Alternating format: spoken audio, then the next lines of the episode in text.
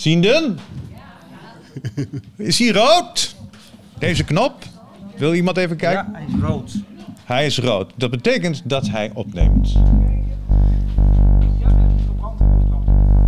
Ja.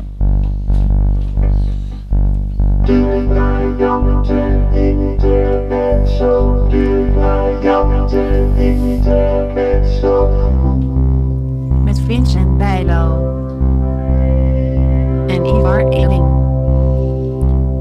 Hier zijn wij live vanaf de CISO-beurs te Utrecht in de Beatrixhal met publiek. En we, hebben, eh, we gaan het vandaag hebben over onderwijs. En dat doen wij met twee gasten. We hebben natuurlijk Ivar Eling, eh, zelf. Ehm, twee gasten. Christina, jouw achternaam kan ik gewoon echt niet. Doe, doe hem eens. Maar Christina is voldoende, hoor. Nee, nee, nee, nee. Missioennette. Yes, zo ongeveer. Ja, zo ongeveer. Eh, jij bent van Suze. Wat, eh, vertel even heel kort wat Suze is. Suus is het eh, Step Up Study Event. En wij zijn met een aantal jongere studenten, zelf ook met een visuele beperking. en inmiddels ook al wat afgestudeerden, waaronder ik zelf. hebben we gedacht van, goh, hoe kan het nou makkelijker? Hoe kan het nou sneller met studeren? Hoe doe je dat nou allemaal? Hoe kunnen we ervoor zorgen dat je niet steeds het wiel opnieuw hoeft uit te vinden? Dus daardoor hebben we nu een afgelopen... eh, in de coronatijd een online evenement gedaan. En nu dit jaar is het gelukt om het fysiek te doen met allemaal nuttige workshops en eh, tips en informatie. En maandelijkse nieuwsflits. Dus eh, hopelijk zo voor en met elkaar het zo handig mogelijk te doen. En zo'n leuk mogelijke tijd van te maken. De studententijd en ook als je op school zit. Dat is natuurlijk zeer belangrijk. En we hebben hier Jan Pas. En Jan is decaan. Jan, goedemiddag. Goedemiddag Vincent. Eh, stel jij even, even voor aan de mensen. Ik ben sinds 2000, eh, eh, ja, 2000 decaan. Eerst van de VWO, sinds een jaar of vier ook van de HAVO-afdeling van een grote Rotterdamse scholengemeenschap. Daarnaast toch een klein beetje docent, en mijn eerste liefde eigenlijk. Zelf slechtziend. En in mijn dagelijks leven begeleid ik jongeren naar hun vervolgopleiding. En we hebben hier natuurlijk Ivar Illing zelf van Lexima. Nou, wil jij je ook nog even voorstellen? Nee, vandaag niet. Vandaag niet. Ehm, Christina, hoe, hoe is jouw, eh, jouw middelbare schooltijd? Of nou überhaupt je hele schoolcarrière? Hoe is die verlopen? Ja, die is eh, eigenlijk begonnen op, eh, toen heette het nog Census in Rotterdam. En dat kwam omdat ik eh, vanuit Litouwen naar Nederland kwam als guppy van eh, vijf. Dus vandaar die ingewikkelde achternaam. Heb ik Ja. dat ook meteen uit de wereld. en ehm, ja, dat was natuurlijk heel fijn en heel veilig en heel beschermd. En superleuk om met elkaar braille te leren. En dan zat je op de wip en dan viel er iemand keihard af. Omdat je dan met, met net even te veel aan één kant en met net te weinig aan een andere kant. En ja, dat kon allemaal gewoon, dat eh, kleine klassen. En Ja. ja, ja toen, toen is dat eh, naar de gewone, de gewone basisschool in de buurt geworden voor eh, groep 7 en groep 8. Oh ja, oké. dus je was tien toen je van... van eh, waar, waar, was die locatie eigenlijk? Het was eh, Census in Rotterdam, dat was. eh, Oh, Rotterdam, dat zei je. Sorry, ja. ja. Ja, en toen, en toen naar een gewone Ja, basis. toen werd het een, een basisschool. hoe, was die, hoe was die overgang? Ja, heel groot en overweldigend. Omdat je opeens terechtkomt in een klas die drie, vier keer zo groot is. Ja. En waar de andere kinderen eh, allemaal wel gewoon kunnen zien. Ik ben volledig blind vanaf mijn geboorte. Ja. En eh, ja, dat is wel, eh, wel een stap. En ik ben ook heel blij dat ik het, het allebei heb mee kunnen maken. Toch ook met, met elkaar braille leren. Ik bedoel, daar, daar heb ik dan toch ook vrienden voor het leven gemaakt. En, maar toch, ja, in het gewone onderwijs. En, en, eh, die overgang, hoe, we- hoe, werd, hoe werd, je, werd je zomaar geparachuteerd? Of was het een soort... eh, werd je veel geholpen vanuit eh Census? Ja, het, ze hadden toen bedacht eh, dat ik groep 7 opnieuw moest doen. Want dan kon ik even wennen. En dan groep 8. En dan naar de gewo- gewone eh, middelbare school. En eh, nou, ik weet niet of dat het, eh, een, een handig... eh, een handig pad is, zeg maar. Omdat natuurlijk de, de klasgenootjes en zo, die kenden elkaar al. En het was allemaal rennen op het plein en spelen in de pauze. En ja, dan moet je dan tussen zien te komen. Maar ik had eh, ja, gewoon wel in groep 7 en groep 8 hele enthousiaste docenten. En eh, ja, want dat moet je hebben. Er was ook een school die zei, nou, we zitten al met 35 leerlingen. Er kan er eigenlijk niet één bij en een blinde leerling. Nou, we weten het niet. En ehm, eh, ja, toen wel eh, eh, een heel hard geoefend voor de CITO. Ik dacht, en ik moet en ik zal en ik kan het gewoon en ik wil het gewoon. en toen, ja, toen was de, de score 550 en toen was het van, oh ja, ik, het is inderdaad wel gelukt. Ongelooflijk. En je, maar volgens mij spreid jij zelf ook een enthousiasme tentoon, waar, waardoor je ook vrij snel aansluiting vindt.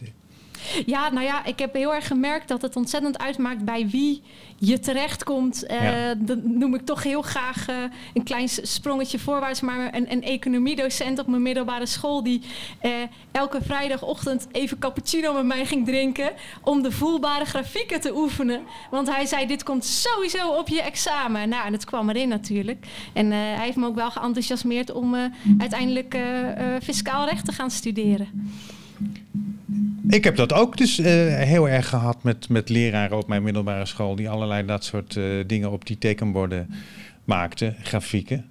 En dat, komt, dat is inderdaad enorm belangrijk. Is dat jouw ervaring ook, Jan? Ehm, nee. Nee, dat is mijn ervaring niet. Ik heb op een gewone reguliere basisschool gezeten en op een reguliere middelbare school. Ik was niet blind, maar slechtziend. Ben, hè, tegenwoordige tijd. Ehm, ik heb wel ambulante begeleiding gekregen vanuit destijds de Prinses Margriet Francisca School. Dat is een voorganger van Visio. En ehm, daar heb ik ook wel steun aan beleefd. Maar ik heb dat niet zozeer beleefd aan de docenten die ik op school had. Ik denk dat er heel weinig kennis was in mijn omgeving van, van mijn needs, zeg maar. Van wat ik speciaal nodig had. En dat was misschien eigenlijk wel het, ehm, het effect van mijn opvoeding. Ik ben opgevoed met, ehm, doe maar gewoon, dan doe je al gek genoeg. Eh, een hele stevige mentaliteit van, ehm, je moet gewoon met alles meedoen. Eh zo ver mogelijk komen, val je over een drempel, nou dan val je toch over die drempel. Val je zeven keer, de achtste keer, weet je waar die drempel zit. Nou, dat, zo, zo, zo ben ik in het leven gaan staan. Dat heeft me denk ik een hele hoop gebracht. Eh, ook wel een zekere hardheid misschien. Waar ik pas achteraf ben achtergekomen dat dat niet goed was voor mezelf. Maar dat terzijde. Ja. En ehm, daardoor heb ik op mijn middelbare school, lagere school, vanuit de kant van de docenten niet zo heel veel support ervaren eigenlijk. Maar zag je er ook uit alsof je dat gewoon eh, niet nodig had of zelfs afweerde? Ik denk dat ik dat, nou ja, dat laatste, dat weet ik niet. Maar dat eerste is denk ik de Ja. waarheid geweest. Ja. Ja, maar dan is het verschil tussen een, een, een totaalblinde zoals wij dat zijn, is natuurlijk heel anders dan met een slechtziende. Ja, zeker weten. Dat zal wel een enorm verschil zijn. Zeker weten, Ja. ja.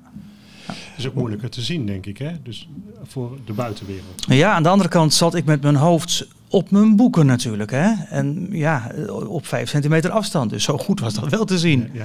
Ja, de, in die, in die in klasseomgeving wel natuurlijk. Ja, Ja. ja, ja. Ja. En, en je, je middelbare school, eh, je had niet docent, nee, je had dus geen docenten die. Ik had eh, een ambulance begeleider die Ja. regelde dat ik meer tijd kreeg voor mijn examens bijvoorbeeld. Oh ja. Heb jij dat ook gehad, eh, Christina? Ja, en ehm, die zei dat, eh, dat ik wel naar de, de HAVO zou kunnen. En eh, uiteindelijk heb ik mijn VBO afgerond. Ja, ja, ja. ja. Dus dat is altijd een, een lastige inschatting vooraf. Misschien op een gegeven moment had mijn moeder bijna een tweede fulltime baan om alle plaatjes voor wiskunde en zo voelbaar te maken voor mij. Dus eh, mama, bedankt.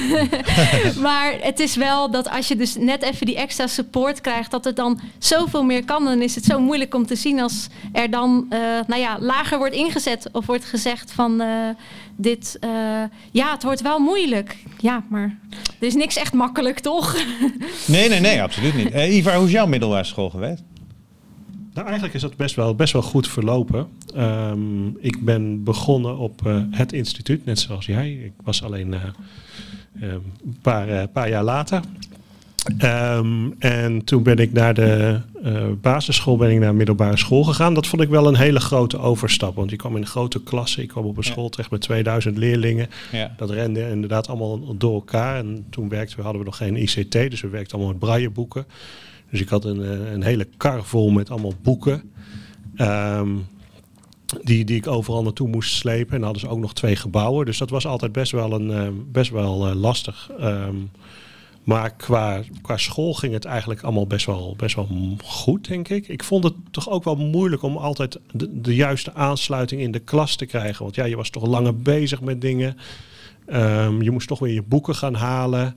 Dus je, je, je, eh, je kon toch niet altijd helemaal meedoen in de groep. En dat heb ik, heb ik toch altijd wel gemerkt. Ja. ja. Ehm, dat dat niet altijd even makkelijk is. En zeker niet als je dan van zo'n beschermde omgeving komt eh, waar, je, waar je eerst in zat. Had jij veel vrienden, Jan, op je middelbare school? Ja, ik had uitstekende vrienden ehm, die me voortgeholpen hebben. Bijvoorbeeld bij die SO's, die in die tijd nog soms op het bord geschreven werden. Die kon ik natuurlijk niet lezen. En dan zeiden mijn vrienden wat op het bord stond. En dan fluisterden ze me ook de antwoorden in. nou ja, dat is maar een enkele keer gebeurd. Daar heb ik niet zoveel profijt van gehad. Maar jawel, ik had goede vrienden. ehm, en in die vriendenschaar ehm, wilde ik ook absoluut niet onderdoen. Ehm, ja, hoe gaat het met, met, met jongens onderling? Eh, een beetje competitie natuurlijk. Ik kan me ook nog wel een fietsvakantie heugen. Ja, dat deed ik natuurlijk gewoon mee. Een fietsvakantie. Maar tandem of Nee, nee, op, Oh. een, op een gewone herenfiets. Zo. En dan hadden we ehm, op een dag 110 kilometer gefietst. Dan hing mijn tong op mijn schoenen. Want ik fietste achter de jongens aan voor de safety natuurlijk. Hè. Ja. En dan eh, ja, was je s'avonds stoere verhaal aan het vertellen. Want we hebben nog maar 110 kilometer gefietst. En mijn vrienden wilden s'avonds nog even een kastelentocht fietsen met zeven kastelen. Dan waar we die, op het logeeradres aangekomen waren. En ik durfde niet te vertellen dat ik echt niet meer kon. Dus dat is dat harde. Die Je competitie. de nee, ik heb, nee, ik heb toen geloof ik niet meer meegedaan. Oh, toch. Toen had je het toch wel bereikt. Hard, hard, hard zijn. Voor Ja. jezelf mee Ja, willen doen. ja, Ja, ja. ja. ja. dus ehm, dat, dat, ik had wel goede vrienden, maar competitief en ehm, mee willen doen. Dat is mijn valkuil geworden later, denk ik. Had jij dat ook, Christine? Ja, ik, eh, als ik het vergelijk ehm, met mijn studententijd, dan was dat echt geweldig en ontzettend leuk. Ook bij eh, de vereniging waar ik eh, bij aan heb kunnen sluiten. En op de middelbare school was het eigenlijk veel, eh, veel minder. Ehm, ja, inderdaad, je probeerde gewoon zo goed mogelijk mee te doen. En ehm, ja, je weet nooit bij, bij wie je terechtkomt en hoe je eh, in de groep ligt. Maar wat je meteen voelt is of iemand gewoon helpt omdat het, eh, nou, omdat het moet. of dat het gewoon spontaan en vanzelf gaat. En als dat laatste niet zo is, dan, eh, ja, dan is dat wel heel, heel jammer om te merken. Maar dat is in, mijn, in mijn studententijd dubbel en dwars goed gemaakt. Maar had je dan op de middelbare school nog bepaalde trucs om, om beter geïntegreerd te raken? De, zocht je echt bewust aansluiting? Maakte je jezelf eh, populairder? Hè, zoals ik dat op die middelbare school toch misschien wel af en toe deed. Ja, weet ik niet zo goed. Ik denk dat ik wel, ehm, nou, inhoudelijk eh, vond ik het ontzettend leuk om, om veel te leren. En dat is natuurlijk een heel mooi voordeel dat ik het een reguliere middelbare school heb gedaan. Toen de tijd was het zelfs nog zo dat je volgens mij op. eh, op, eh, eh, op Census toen Visio. Nou, ze hadden wel Frans, maar zo weinig. En dat werd, eh, dat werd mijn lievelingsvak. Ehm, maar juist omdat je ehm, ja, dan misschien in die cijfers uitblinkt, ehm, is, het andere ehm, nou ja, wat, wat minder eh, mogelijk of zo. Maar bijvoorbeeld wel in, in de gymles, dat dat altijd wat lastiger was om mee te doen. Maar ze hadden een klimmuur. En eh, daar kon ik dan op vrijdagmiddag, eh, had ik iemand gevonden die me wilde zekeren. En dan kon ik zo toch even, even klimmen. Dus toch altijd het idee van hoe kan ik nou op mijn manier wel gewoon meedoen. Ja, nou ja, soms heb je dat. Ik had van de week een, een, een gesprek met mensen en daar was de conclusie eigenlijk van: soms heb je exclusiviteit nodig om inclusief te zijn. Mooi gezegd. Ja, dat was, dat was hij. Eh, Jan, ehm, jij begeleidt eh, jongeren van, van eh, jongeren met beperkingen. Ja, Heb je die? al? Ja, maar je niet- bent natuurlijk algemeen decaan, decaan hè, op een ja, middelbare school. Ja, dat klopt. Dus Wat is dat voor school? Een, dat is een, een reformatorische school. Dus een school met een eigen identiteit, zeg maar, een gezicht. Ja. Maar er zit gewoon de volle breedte van eh, het onderwijsaanbod MAVO, HAVO, VWO. En mijn expertise zit vooral dan op de VWO, eh, op de HAVO. Hè? Dus ik begeleid leerlingen richting HBO en WO-opleidingen. En eh, meestal komen ze bij mij als ze 14, 15 zijn voor de profielkeuze. Hè, vroeger zei je het vakkenpakket. En eh, als ze 17, 18 zijn, 16, 17, 18 voor de vervolgopleiding. Eh, en onder die volle breedte van jongeren zitten dus af en toe ook wel jongeren met een beperking. Maar ik ben in mijn begeleidingspraktijk dus niet specifiek bezig met jongeren met een visuele beperking. Nee. Die komen heel af en toe eens langs. Op de Nederlandse bevolking heb je er een paar. Maar ik heb wel eens jongeren met een andere fysieke beperking. Jongeren die doof zijn of jongeren die een motorische beperking hebben of rugletsel hebben. Of, nou ja, op de Nederlandse bevolking heb je hier en daar mensen met een, uh, met een gekkigheidje zoals wij, hè? van andere aard. Absoluut. En wat ik gemerkt heb, ehm, is dat, dat mijn eigen levenservaring, uh, waarin ik zo hard was voor mijzelf, misschien ben ik het nog af en toe wel een beetje, mij zachter maakt voor deze leerlingen. En juist ook probeert om, um, um, om hen dat mee te geven. Wees niet te hard voor jezelf. Uh, wees vooral ambitieus, durf te dromen en durf ook die dromen waar te maken. Maar ga daarbij alsjeblieft niet aan jezelf voorbij. En wees daarin heel realistisch en nuchter. Dus ik denk dat ik um, dat uit mijn eigen ervaring wil meegeven aan, aan deze categorie mensen. Hè? Denk aan een leerling die, die ernstige rugklachten had en toch graag verpleegkunde wilde doen. Ik heb daar niet ontraden. Maar ik heb wel meegegeven, ga, alsjeblieft van meet af aan in je opleiding hierover met jouw docenten in gesprek. Uh, ik heb ze niet ontraden. Ik heb niet gezegd, ga dat niet doen. Maar zorg ervoor dat de context waarin je je opleiding gaat doen zo is dat men met jou rekent en gaat niet verhullen. Ik heb het zelf verhuld. Ik heb niet erover gesproken toen ik 16 en 17 en 18 was. Nee, ja. Dus leer je grenzen bewaken ja, ja, en leer te communiceren. Hoe, hoe, was jouw communicatie, Christina, met je uh, docenten op de universiteit? Was dat, ging, dat, ging dat goed? Eigenlijk was het uh, elke keer hetzelfde liedje. In die zin dat je natuurlijk dingen uh, vertelt en vraagt. Um, uh, van uh, kan ik de, de PowerPoints alvast ontvangen en wat, wat, wat is de literatuurlijst al bekend? Dan kan Dedicon mijn boeken gaan maken. En ook wel eens uitgevers benaderd van jullie hebben echt wel een digitale versie, maar jullie willen hem niet, Afgeven. niet ter beschikking stellen. En ja. waarom moet dit lang duren? Ja. En vooral als je natuurlijk een juridische opleiding doet, verandert er nogal eens wat. Dus elk jaar zit je toch weer met, met nieuwe boeken. En ook daarin weer heel verschillend ja, wie, wie je treft en wat je tegenkomt.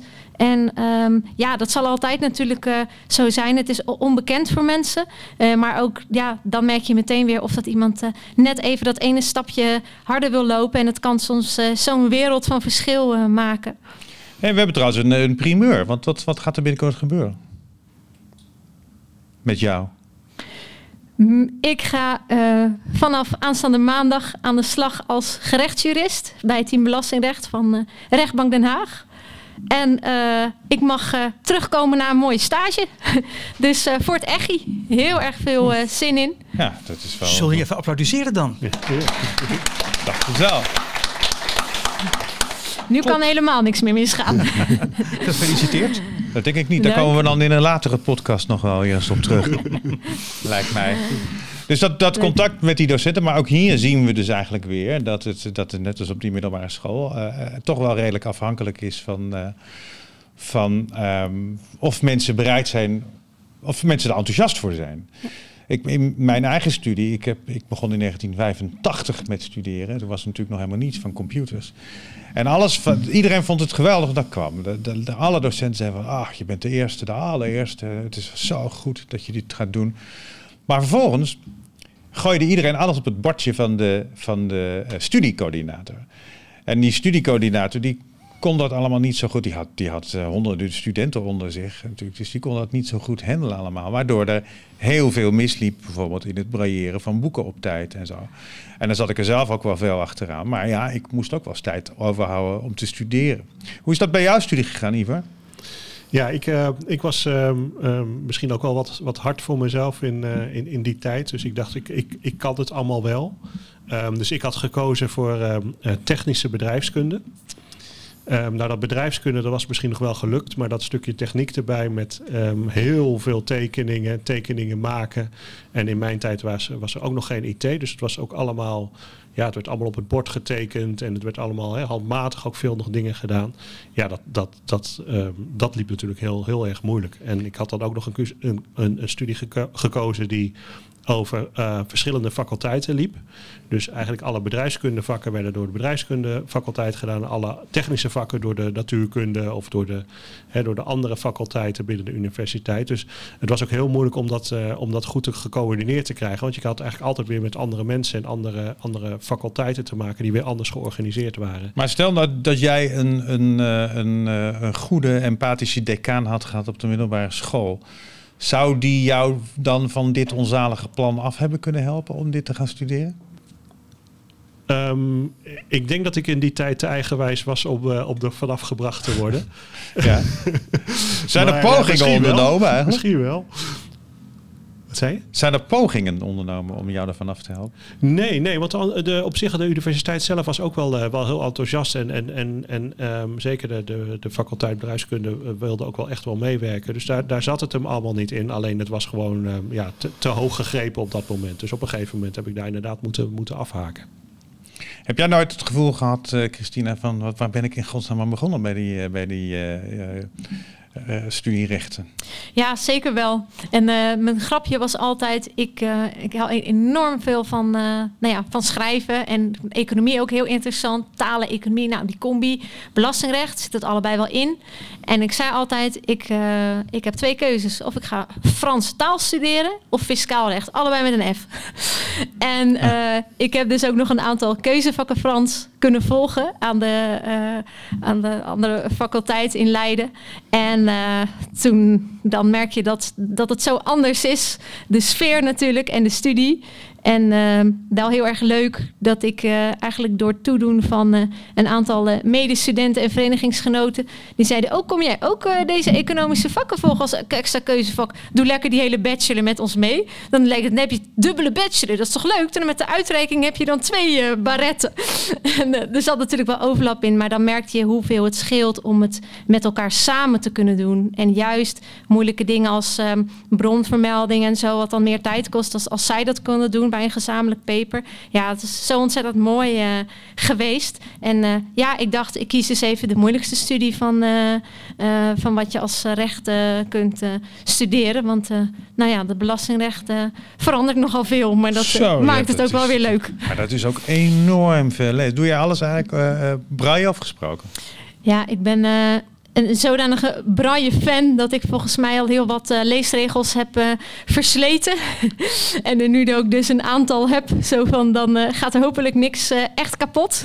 ik vind, be- bemerk dat het toch heel fijn is om het zelf te kunnen lezen. Dat het dan toch op een andere manier beklijft. Maar nu denk ik van, waarschijnlijk moet ik toch eh, de spraak ook maar wel eens eh, proberen in te schakelen. Alleen hoe, eh, hoe, hoe leer je dat nou af? Om alles, alles te willen lezen en alles in braille te willen doen. Ja, ik vind het ook moeilijk altijd. Wat ik vaak doe, is dat ik echt hele grote lappen, die doe ik gewoon dan op spraak. En dan zet ik de spraak ook vrij snel. Zodat, en, maar dan maak ik er wel aantekeningen bij, want anders dan, dan is het nog niks. Want dan is het gewoon al een, heel, een enorme hoeveelheid tekst die voorbij trekt. En dan, en dan heb je daar toch ook niks aan. Maar Braille heeft ook mijn voorkeur. Maar ja, dan heb je altijd die knopjes voor eh, regel verder, die na verloop van tijd eh, toch eh, al die drukjes, als je er honderdduizenden keer op gedrukt hebben, kunnen ze dat niet aan. Die braille-cellen dat net één puntje niet omhoog komt. Dat en dan is denken ook ze, heel Het is maar één puntje, ja, maar het is wel weer een hele andere letter daardoor. Er kunnen hele, hele rare teksten ontstaan daardoor. Ik zal er geen voorbeelden van noemen, maar hier wordt altijd bier als puntje 5 niet, niet meer doen. Eh, maar nee, maar dat, dat, ja, nee, dat is ook. eh, dat is, eh, maar heb jij veel, Christina? Want jij bent natuurlijk echt kind van de, van de digitale tijd, zou ik maar zeggen. Want op de middelbare school deed je ook alles al met laptop. en zo. Klopt, alles op de laptop. En Ja. soms nog wel wat papieren boeken van, dan kun je bladeren. Of, maar ja, eigenlijk was er nooit, nooit plek om alles te bewaren in braille. Dus ja, Nee, even lezen is- en de papierbak in, helaas. Ja, nee, want Ivar en ik hebben natuurlijk gewoon alles nog met die papieren boeken moeten doen. Kilometers. Ach, was, ik, ik had zelfs op, op school een, een, een eigen kamertje waar mijn boeken stonden. Dat zat naast de lerarenwc. Nou, een stank altijd. Echt enorm. Ik zal nooit meer klagen over een het sj- sjouwen van een zware laptop als ik dit hoor. Eh, Nee, dat zou ik niet doen. Nee, dat, nou ja, het mag altijd. Ehm, eh, Jan, jij was natuurlijk ook. Hoe, hoe, wat is, mag, ik- mag ik zo vrij zijn om, om je leeftijd te vragen, Jan?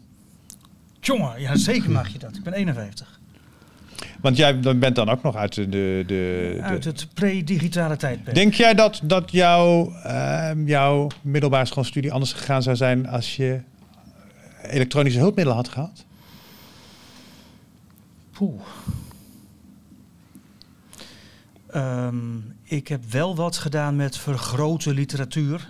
Vergrote toetsen, dus wel met visueel dan of met aangepast. Hè? En ehm, eh, woordenboeken waren altijd een dingetje natuurlijk. Hè? Ik kan me nog heugen dat eh, een van de voorzieningen die voor mij getroffen werd bij mijn examen Latijn, was dat de docent Latijn eh, bij het examen naast me mocht zitten in een aparte ruimte uiteraard.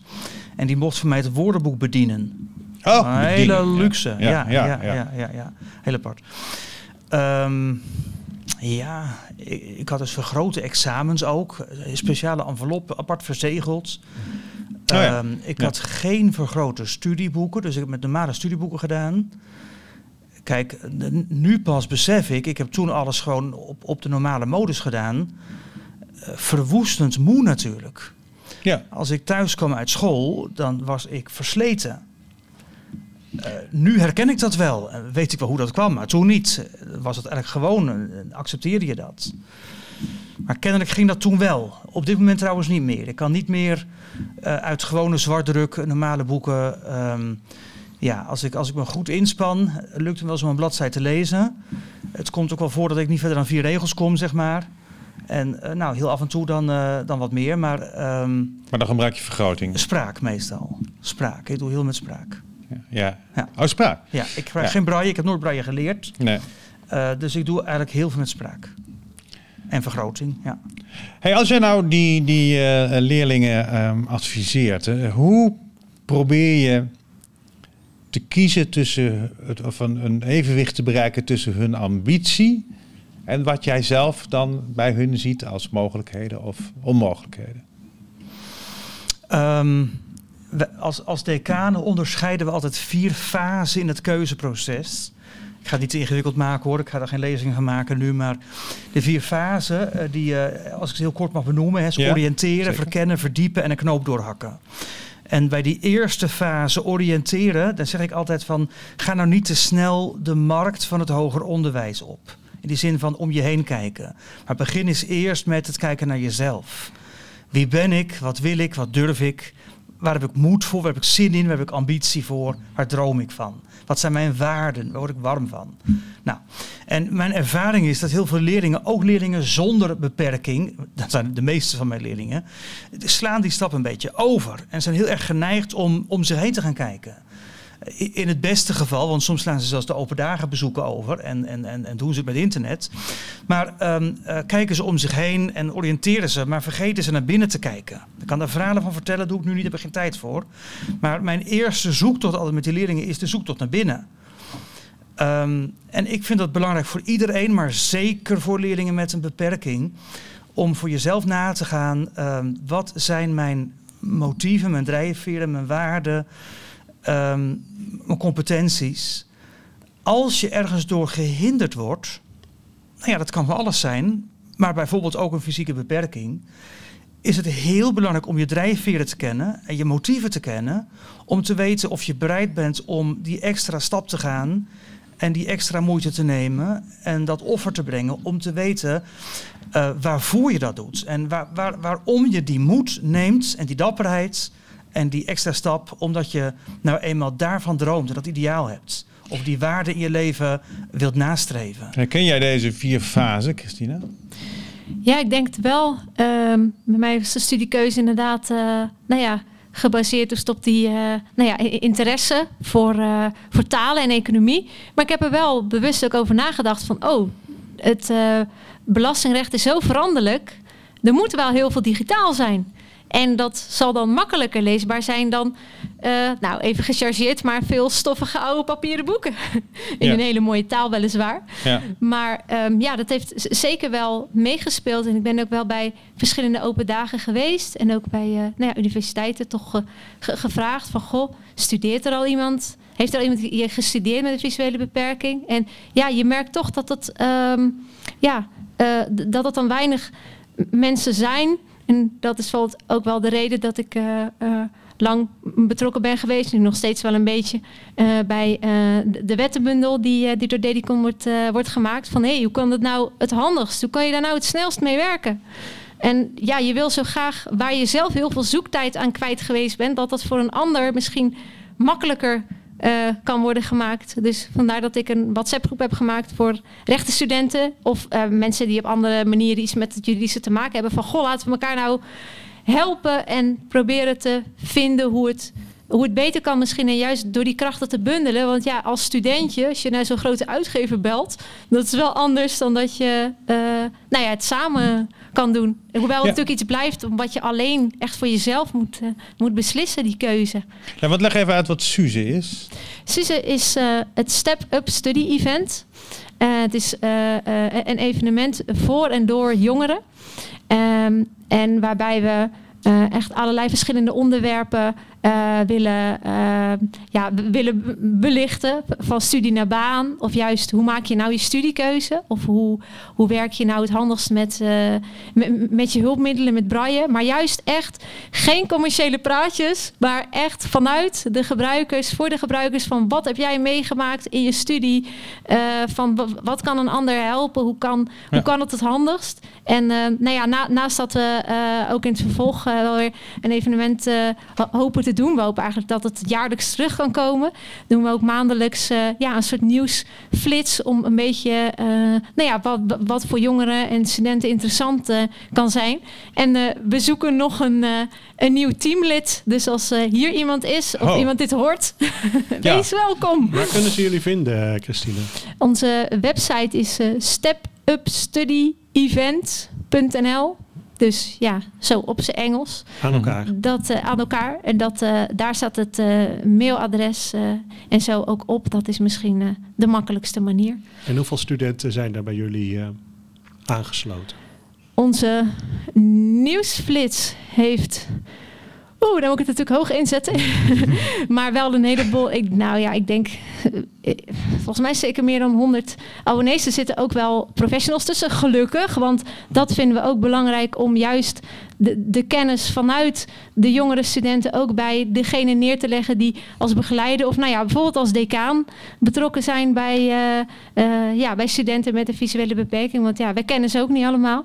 Maar ehm, ja, online hadden we, hadden we een, een, een man of eh 60 volgens mij op Zoom zitten toen de tijd. En het fysieke event is ook goed bezocht. Dus hopen dat, het, ja, dat we het levend kunnen houden. Want ja, er blijven nieuwe scholieren en studenten komen natuurlijk. Maar dit is dus een platform waarin men ongelooflijk veel van elkaar leert. Kennis Enorm. opdoet om, om, omtrent de, de dingen. Dat is, dus, dat is eigenlijk waar we het in de- deze podcast allebei deze podcast steeds over hebben. Dat je eigenlijk ehm, zoveel mogelijk moet bundelen aan kennis. Nou, het is erg goed dat jullie dat nu doen. Want je, je blijft er, kan je er ook lid van blijven als je, eh, als je, als je een baan hebt? Zal ik maar zeggen? Ja, het zeker kan natuurlijk weten. altijd. Ja. Ik denk dat je dan juist ook eh, nou, he- heel veel andere ervaring weer mee kan brengen. En ehm, ja, het is echt ontstaan vanuit een soort van... waarom zou je nou alles weer helemaal opnieuw moeten uitzoeken... Eh, als, als er iemand anders al is geweest die, eh, ja, die dat misschien al heeft gedaan... of zoiets heeft gedaan, of je toch op andere ideeën kan, eh, kan brengen. Dat, ja, en we willen ook... ja, dat was een, een heel belangrijk iets... om, om met elkaar te kunnen, te kunnen uitbreiden en te kunnen delen. En is er nou eigenlijk één of een paar dingen die altijd weer terugkomen bij studenten? Wat zijn de voornaamste struikelblokken, hindernissen? Ja, ik denk ehm, zo efficiënt mogelijk eh, benutten van, van alle mogelijkheden. Dus van, van de hulpmiddelen en van de, ehm, ja, misschien toch net organisaties of dingen die je niet weet. Of dat het enorm kan verschillen per onderwijsinstelling. Wat er geregeld is en bij wie dat dan moet. En wat er kan en wat er eh, wel of niet mag. En dan kan het soms al helpen als je iemand anders heeft, hebt die bijvoorbeeld wel op een andere faculteit of een andere stad studeert. Dat je het als voorbeeld kunt gebruiken van ja, maar daar kon het zo en zo. Of hoe, hoe kan ik dat nou eh, het handigste doen. Eh, dat voorbeeld van die woordenboeken. Ehm, ik had dan zelf op een gegeven moment eh, allerlei tentamens met heel veel balansen. Of echt enorm grote boekwerk, digitaal weliswaar, maar met allerlei verdragen in op te zoeken. En nou ja, de boel liep nogal vast, want het waren er nogal veel. En ja, van welk land zullen ze nu eens vragen?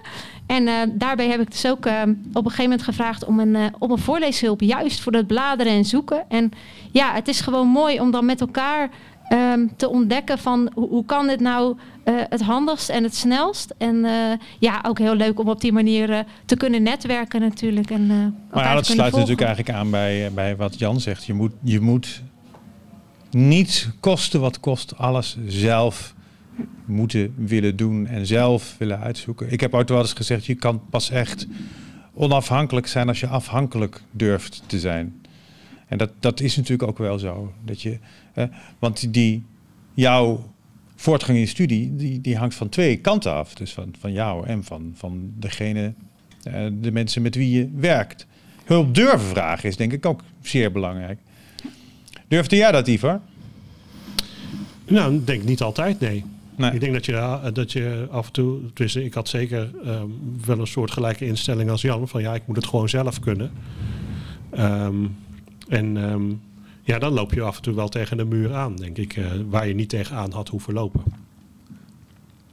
Hoe denk je, Jan, want we even nog op jouw vier fasen en die reflectie uh, aan te sluiten. Um, zou het niet kunnen dat het dan ook bij mensen te veel naar binnen slaat en dat ze dan helemaal de moed verliezen? Bruggetje naar de vorige opmerking. Um, in mijn revalidatie in Low Erf in 2011-12 heb ik um, ooit eens een oefening moeten doen waarin je leunde tegen um, een mederevalidant. Leunde met de handen tegen elkaar en dan, uh, dan de voeten uit elkaar en dan moest je je aan elkaar overgeven. En er werd bij gecommuniceerd dat zo als je tegen elkaar leunde en dan steeds meer leunen, leunen, leunen, tot je bijna omviel. Um, dat dat iets zei over de manier waarop je aan elkaar toevertrouwde en ook bij elkaar steun zocht. Nou, en dan de transformatie naar, um, naar steun zoeken in het dagelijks leven, naar hulp durven vragen. Um, um, wat wil ik ook weer gaan zeggen? Durf je hulp te vragen? ken, je, ken je jezelf daarin? Ken je je zwakte? Uh, durf je dat aan? hoe communiceer je dat dan? Uh, weet je van jezelf waarin je hulp nodig hebt en op welke manier je dat durft te vragen of moet vragen. Nou, dat is ook iets van jezelf kennen, denk ik. Hè? Dus, dus nou ja, ben je dat wel, wel bewust en durf je dat onder woorden te brengen? Nou, wat Ivo net zegt, dat herken ik ook wel. Dat was in mijn jongensjaren niet, niet zo populair bij mij van binnen hoor.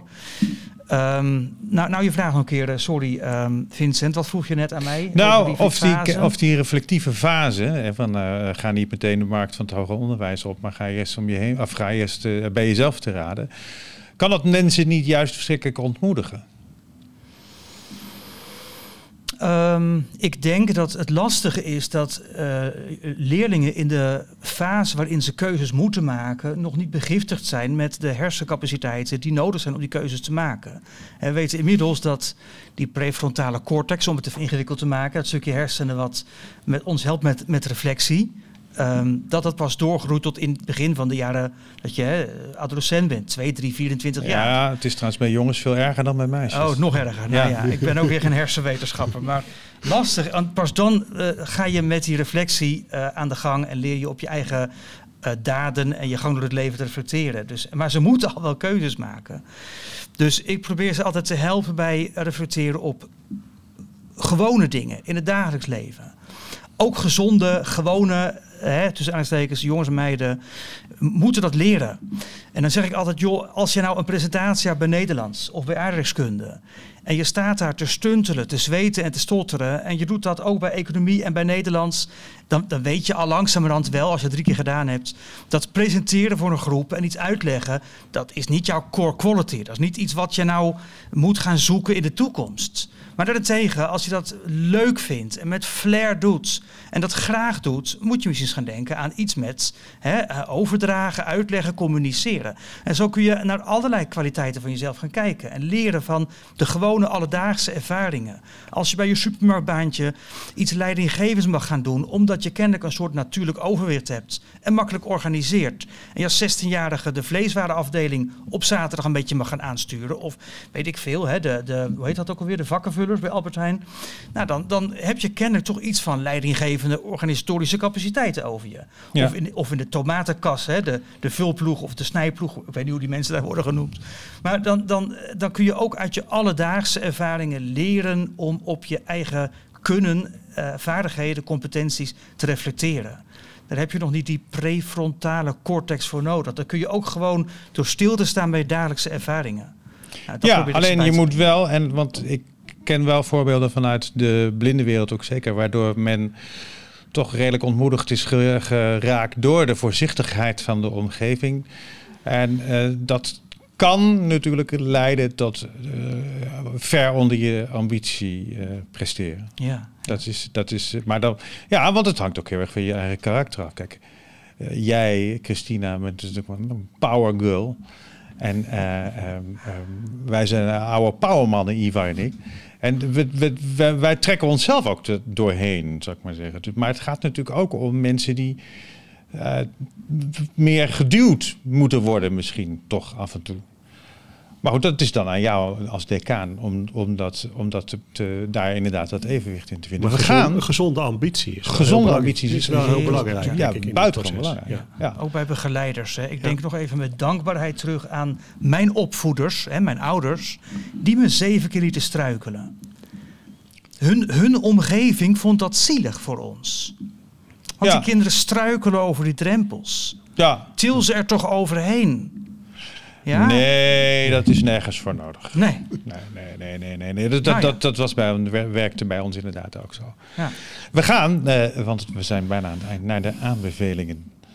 Christina, mag ik met jou beginnen?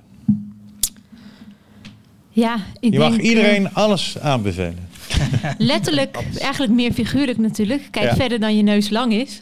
Ja, Ehm, ja, probeer, eh, kom met je vragen en deel je ervaringen. Ik denk dat dat het is. En eh, denk niet te snel, oh het is brutaal of oh daar hebben ze vast geen zin in.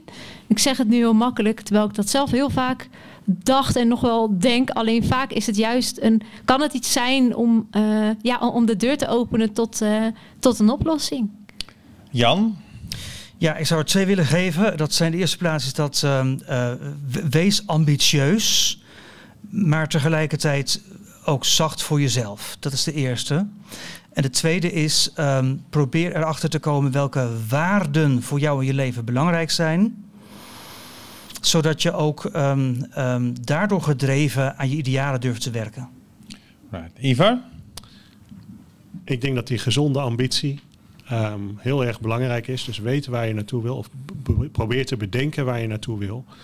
Ehm, laat je niet uit het veld slaan als dingen niet lukt, maar benader het wel altijd op een positieve manier. Ja, dan zou ik daar dan tenslotte aan toe willen voegen, omdat ik een enigszins raar carrièrepad heb afgeleid, eh, gelegd. Eh, het hele leven is eigenlijk één grote try-out. En ik beschouw eigenlijk altijd alles van, ik kan dit niet en als ik het, ik ga het kunnen en als ik het niet kan, dan blijkt dat eigenlijk vanzelf wel weer. Maar inderdaad altijd met, met de bijbehorende eh, kracht. En ook relativering, dat is natuurlijk ook iets ontzettend belangrijks. En, en probeer ten alle tijde eh, te vermijden dat je jezelf zielig gaat vinden. Dit was de briljante intermezzo.